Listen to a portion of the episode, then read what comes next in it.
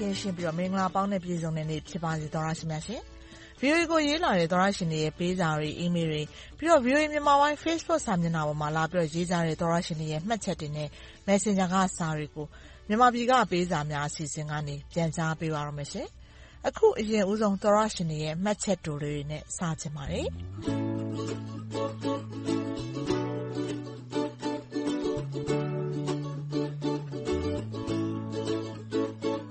မင်္ဂလာပါ VOA ကိုအိယာဝင်တိုင်းနားထောင်ပါတယ်။အိယာနိုးရင်လည်းနားထောင်လိုက်ရမှနေသာထိုင်သာရှိပါတယ်။အားပေးနေလျက်ပါဗျာလို့ရေးလာတဲ့သောရရှင်ဝေယံစောကိုကျေးဇူးတင်ကြောင်းပြောချင်ပါတယ်ရှင်။ဒီသောရရှင်ကတော့ကျမတို့ရဲ့ VOA ညချမ်းရုပ်မြင်သံကြားပေါ်မှာရေဒီယိုထုတ်လွှင့်ချက်ကိုအောက်မှာလာပြီးရေးလာတာဖြစ်ပါတယ်။နောက်ထပ်သောရရှင်မင်းတင်ကလည်းနားဆင်ရတာအကျိုးရှိပါတယ်တဲ့။အခုပြောသွားတဲ့သောရရှင်လိုမျိုးသူကတော့ online ကနေနားထောင်လို့မရလို့နောက်တနည်းနဲ့နားဆင်ပါတယ်ဆိုပြီးရေးလာပါတယ်။ မြန်မာစစ်တပ်က သတင်းအမှောင်ချတဲ့ VOA ရေး ဘယ်လိုမှသုံးမရပါဘူး။ဒါကြောင့် PSI ပဲ ကြည့်နေရပါတယ်။ VOA ဝိုင်းတော်သားများ ကျန်းမာပါစေလို့ ဆုတောင်းလိုက်ပါတယ်။ကျနော် ဘယ်လိုဖြစ်နေတယ်ဆိုတာကို မပြောပြတတ်ပါဘူး။ကျေးဇူးတင်ပါတယ်။အင်တာနက်ကနေကြည့်လို့ အဆင်မပြေတဲ့လူတွေ ဒီသောရရှင် ကိုမင်းတင်လိုပဲ အဆင်ပြေရင်တော့ဂျိုးရုစလောင်းကနေပြီးတော့နားဆင်ကြည့်ရှုနိုင်ပါတယ် နော်။နောက်ထပ်သောရရှင် Samuel San ဆိုတဲ့ သောရရှင်ကတော့ သူသိချင်တာတခု မေးလာတာပါ။မက်ကြီးမုံရဲ့ အင်္ဂလိပ်စာဆိုတဲ့ page လေး ရှိသေးလား။ရှိသေးရင် link လေး ပို့ပေးပါတဲ့။ဟုတ်ကဲ့ပါ။ကျမတို့ VOA Facebook စာမျက်နှာမှာ အပတ်စဉ် တနင်္ဂနွေနေ့တိုင်း သူ့ရဲ့အစီအစဉ်အသစ်တွေကို တင်ပေးနေပါတယ်။မက်ကြီးမုံရဲ့ အင်္ဂလိပ်စာ ဆိုပြီးတော့ရှာကြည့်ရင်လည်း Facebook မှာ တွေ့နိုင်ပါတယ်နော်။ ကျမတို့ရဲ့ VOA အင်တာနက်စာမျက်နှာပေါ်မှာဆိုရင်တော့ ကျမတို့ bambis.voanews.com ဆိုတဲ့ ပင်မစာမျက်နှာထဲမှာ အင်္ဂလိပ်စာအစီအစဉ်ဆိုပြီးတော့သွားပြီးရှာကြည့်နိုင်ပါတယ်။အဲဒီနေရာမှာက အစီအစဉ်ဟောင်းတွေကိုပါ လွယ်လွယ်ကူကူ ပြန်ရှာနိုင်တာ ဖြစ်ပါတယ်ရှင်။ဒီသောရရှင်က Messenger က မေးလာလို့ Messenger ကနေပြီးတော့စာပြန်ပြီးတော့ link လေးလည်း ပို့ပေးလိုက်ပါတယ်နော်။အစီအစဉ်တွေကို နားဆင်အားပေးတဲ့အတွက် အထူးကျေးဇူးတင်ပါတယ်။ မြန်မာနိုင်ငံက လက်ရှိ နိုင်ငံရေး အခြေအနေတွေ၊လူမှုရေးရာကိစ္စ အဝဝနဲ့ ပတ်သက်ပြီး သောတရှင်တွေ ကိုယ်ပိုင်အမြင်တွေကို လွတ်လွတ်လပ်လပ် ထုတ်ဖော်ရေးသားလာကြတဲ့ စာတွေကိုလည်း လက်ခံရရှိပါတယ်။အဲဒီထဲက သောတရှင်တယောက်ကတော့ အကြမ်းဖက် စစ်တပ်နယ်မြေထဲမှာမို့ အကောင့်နာမည်လေး ချန်ထားပေးပါခင်ဗျဆိုပြီး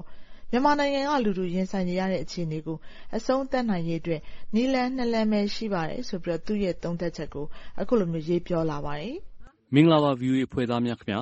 အားလုံး ကိုယ်စိတ်နှစ်ပါး ကျန်းမာချမ်းသာစေကြောင်း ဦးစွာ ပထမ မေတ္တာပို့သလိုက်ပါတယ်။မြန်မာပြည်သူတွေဟာ နေ့စဉ်နေ့တိုင်း မြန်မာစစ်တပ်က အကြမ်းဖက်တဲ့လုပ်ရပ်တွေနဲ့ ရင်ဆိုင်နေရပါတယ်။ရွာတွေကိုဝင်၊နေအိမ်တွေကို မီးရှို့၊ပြည်သူတွေရဲ့ ဥစ္စာပစ္စည်းတွေကို လုယူဖျက်ဆီး၊အိုးအိမ်တွေကို ဘက်ဖိုးနဲ့ ထိုးချ ဒီလို မြေပြင်ကနေ တိုက်ခိုက်မှုမျိုးစုံအပြင် ဝေဟင်ကနေလည်း ဂျက်တိုက်လေယာဉ်တွေနဲ့ ဗုံးကြဲ၊လက်နက်ကြီးတွေနဲ့ပစ်လို့ အရပ်သားတွေလည်း သေကျေပြီး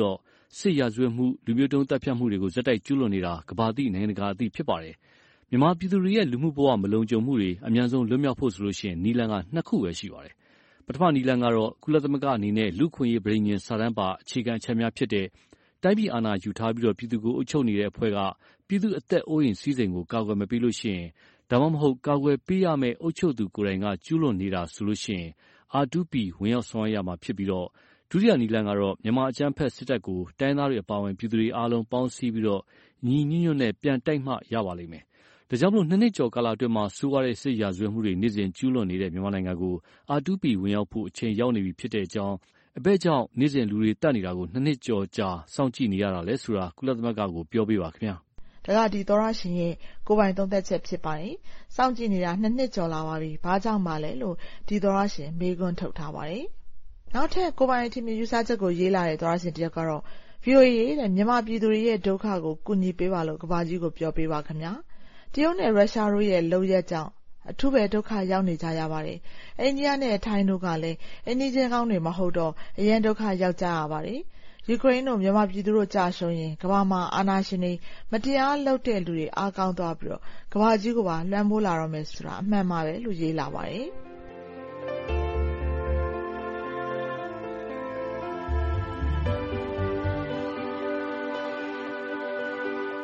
ကျနော့်ရဲ့အကောင့်ကိုတော့ ကျေးဇူးပြုပြီး လုံခြုံရေးအရ မဖော်ပြပါနဲ့လို့ ရေးလာတဲ့ သောတရှင်တယောက်ကတော့ ဒီ VOA ကို နားထောင်နေတဲ့ သောတရှင်တွေ အားလုံး သိသွားရအောင်လို့ သူသိထားတာလေး၊သူစိုးရိမ်နေတာလေးကို သတိပေးချင်ပါတယ်ဆိုပြီး အခုလို ရေးလာပါတယ်။မင်္ဂလာပါ။ VOA ရဲ့ ဝိုင်းတော်သူ ဝိုင်းတော်သားများ အားလုံး ကျန်းမာကြပါစေဗျာ။ VOA ရဲ့ သတင်းတွေကို ကြည့်ရှုခန်းစားလို့ ကျနော်တို့ မြန်မာပြည်မှာ ဖြစ်ပျက်နေတာတွေကို သိရှိခဲ့ရတာပါ။ကျေးဇူးအများကြီးတင်ပါတယ်ဗျာ။ကျနော် VOA နားထောင်နေတဲ့သူတွေ အားလုံးသိအောင် ပြောပြချင်တာရှိလို့ပါ။ အဲဒါက ဘာလဲဆိုတော့ Mytel SIM ကဒ်အင်တာနက်နဲ့ တော်လှန်ရေးကိစ္စတွေ လုပ်တာပဲဖြစ်ဖြစ်၊တော်လှန်ရေးနဲ့ ပတ်သက်တဲ့ ပုံတွေတင်တာပဲဖြစ်ဖြစ် လုံးဝ မလုပ်ပါနဲ့လို့ ပြောပေးပါဗျာ။သူတို့ SIM ကဒ်ကပြည်သူတွေအတွက် လုံးဝ မလုံခြုံပါဘူးဗျ။ကျနော့်ဆီကို Mytel အော်ပရေတာက ပို့လာတဲ့မက်ဆေ့ချ်ပါ။သူက ဒီစာထဲမှာ ပြောသွားသလိုပဲ သူ ဖုန်းပေါ်မှာ ရရှိတဲ့ Mytel က ရရှိတဲ့မက်ဆေ့ချ်ကို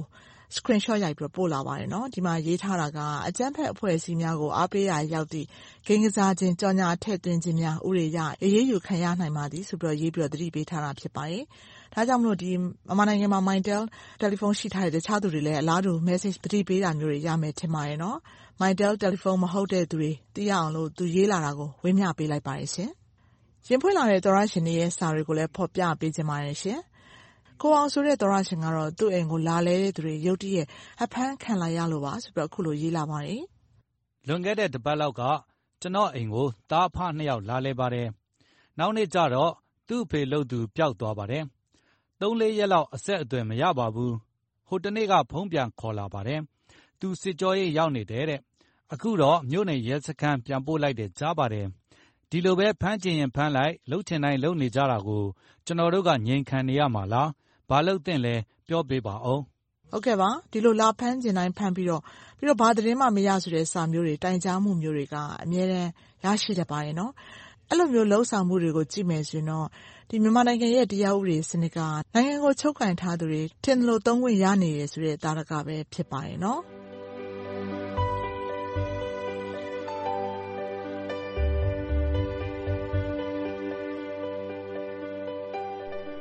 သောတရှင်တွေရဲ့ရင်ဖွင့်စာတွေကိုဆက်ပြီးဖော်ပြပေးချင်ပါတယ်။မြန်မာနိုင်ငံမှာစစ်တပ်ကအာဏာသိမ်းလိုက်ကတည်းကအခုဆိုရင်နှစ်ကျော်ကြာလာပါပြီ။အချိန်ကြာလေလေပိုဆိုးလေလေဖြစ်လာတဲ့စီးပွားရေး၊နိုင်ငံရေးအခြေအနေတွေကိုသာမန်ပြည်သူလူထုခါးစည်းခံနေရတာတွေကိုသောတရှင်တွေရေးပို့တဲ့စာတွေမှာတွေ့ရပါတယ်။ဒီထဲမှာရန်ကုန်ကသောတရှင်တယောက်က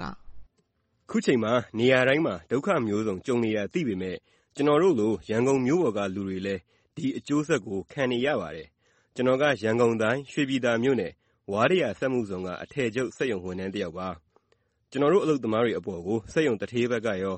မြန်မာခေါင်းဆောင်တွေဘက်ကပါ ဖိနှိပ်ချုပ်ချယ်နေကြတာပါ။အလုပ်သမားအခွင့်အရေးတွေ ချိုးဖောက်ခံနေရပါတယ်။ဘယ်သူ့ကိုပဲတိုင်တိုင် အလကားဖြစ်နေလို့ပါ။ VOA ကနေပဲ အများသိအောင် ပြောပြပေးပါလား VOA ။ကျေးဇူးတင်ပါတယ်။သောတရှင်တွေရဲ့ နေ့စဉ်ဒုက္ခတွေထဲက တခုဖြစ်ပါတယ်။သောတရှင်တွေရဲ့ ပေးစာတွေကို ဒီညတော့ ဒီမှာတင် ရပ်ချင်ပါတယ် ပိုပြီးကောင်းမွန်အဆင်ပြေတဲ့နေ့ရက်တွေပိုင်ဆိုင်နိုင်ပါစေလို့ဆန္ဒပြုပါတယ်။အားလုံးဘေးအန္တရာယ်ကင်းရှင်း၊ရွှင်လန်းချမ်းမြေ့ကြပါစေရှင်။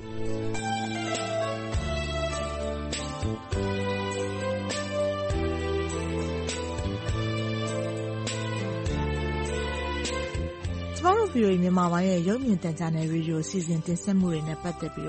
အကြံပေးဝေဖန်ချင်တယ်။ပြီးတော့ကိုယ်တိုင်အတွေ့အကြုံနေရတဲ့အဖြစ်အပျက်တွေ၊နိုင်ငံရေးအခြေအနေတွေနဲ့ပတ်သက်ပြီး ကိုယ်ပိုင်ထင်မြင်ယူဆချက်တွေရင်ဖွင့်စာတွေရေးချင်ကြတယ်ဆိုရင်တော့ကျမတို့ VOA ကိုစာရေးသားဖို့ဖိတ်ခေါ်ပါတယ်နော်။ Email ကနေစာရေးမယ်ဆိုရင် burmese@voanews.com ကို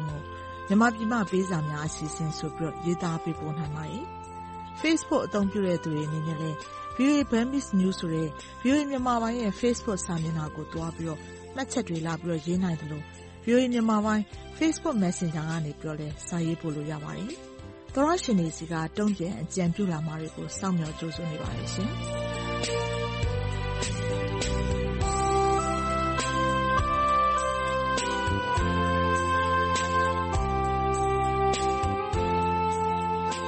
မြန်မာနိုင်ငံနဲ့ နိုင်ငံတကာက ရေးသားပေးပို့လာတဲ့ VOA မြန်မာပိုင်း သောတရှင်တွေရဲ့ ဝေဖန်အကြံပေးစာတွေ၊ရင်ဖွင့်စာတွေနဲ့ ဒေသချင်းတောင်းလွှာတွေကို တနင်္ဂနွေနေ့ညပိုင်းနဲ့ တနင်္လာနေ့ မနက်ပိုင်းအချိန်တွေမှာ မြန်မာပြည်ကပေးစာများအစီအစဉ်ကနေထုတ်လွှင့်တင်ဆက်ပေးနေပါတယ်။ရေဒီယိုကနေဖမ်းယူနားဆင်နိုင်တဲ့အပြင်ရုပ်မြင်သံကြားကနေပြီးတော့လည်းထုတ်လွှင့်ပေးနေသလို VOA မြန်မာပိုင်း Facebook စာမျက်နှာနဲ့ YouTube စာမျက်နှာတို့ကနေပြီးတော့လည်းထုတ်လွှင့်ချိန်နဲ့တပြိုင်နက်တည်းတိုက်ရိုက်နားဆင်နိုင်ပါတယ်။လွှင့်ထုတ်ပေးခဲ့ပြီးတဲ့အစီအစဉ်တွေကို Facebook နဲ့ YouTube ပေါ်မှာပြန်ပြီးတော့နားထောင်နိုင်သလို VOA Internet စာမျက်နှာနဲ့ဖုန်းပေါ်က VOA App တွေမှာလည်းသွားပြီးတော့နားထောင်ကြည့်ရှုနိုင်ပါတယ်။ ကျမတို့ရဲ့ VOA App နာမည်က VOA Burmese ဖြစ်ပါတယ်။ကျမတို့ရဲ့အင်တာနက်စာမျက်နှာလိပ်စာက burmese.voanews.com ဖြစ်ပါတယ်။ကျမအေးသန္တာကျော်ပါ။ VOA ကိုလည်းစာရေးကြပါအောင်နော်။သောတရှင်တွေအားလုံးဘေးအန္တရာယ်ကင်းရှင်း၊ရွှင်လန်းချမ်းမြေ့ကြပါစေရှင်